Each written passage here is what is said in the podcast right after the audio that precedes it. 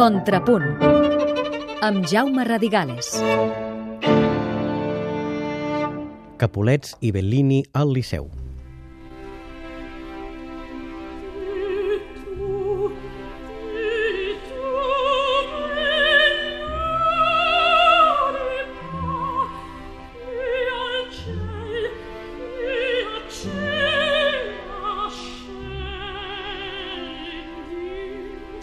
La programació di Capuletti i Montecchi, inspirada de ben lluny en el Romeu i Julieta shakespearià, es justifica si a l'escenari hi ha dues intèrprets que la defensin amb arguments que vagin molt més enllà de servir la partitura belliniana.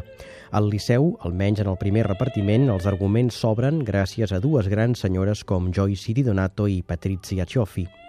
La mezzosoprano nord-americana, que supleix la inicialment prevista Elina Caranza, exhibeix una insultant facilitat pel cant lligat, pels reguladors i per una emissió que és una pura meravella.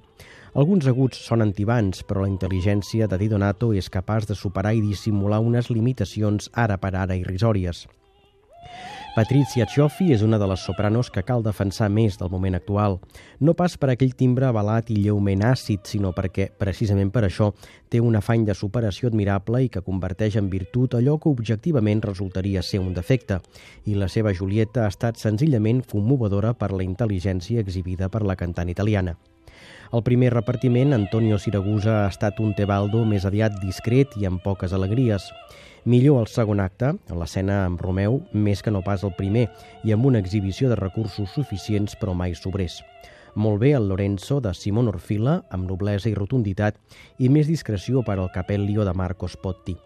Molt bé el cor masculí i bon gust en la direcció de Ricardo Frizza. No ho tenia fàcil perquè l'orquestra del Liceu no està massa preparada per les subtileses i, a més, la partitura de Bellini conté molts passatges que en segons quines mans poden resultar destralers. La producció, procedent de Munic i San Francisco, intenta posar de relleu la soledat dels personatges protagonistes en un context dominat per la intolerància patriarcal, però se'n surt a mitges.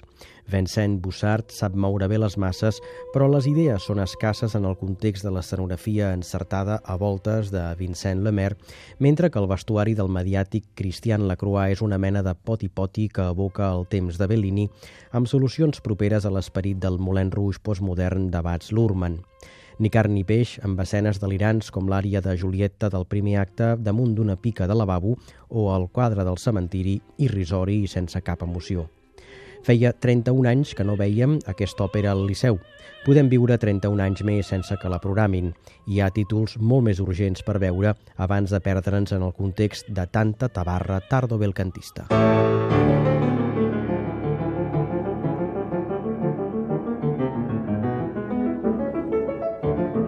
Contrapunt amb Jaume Radigales.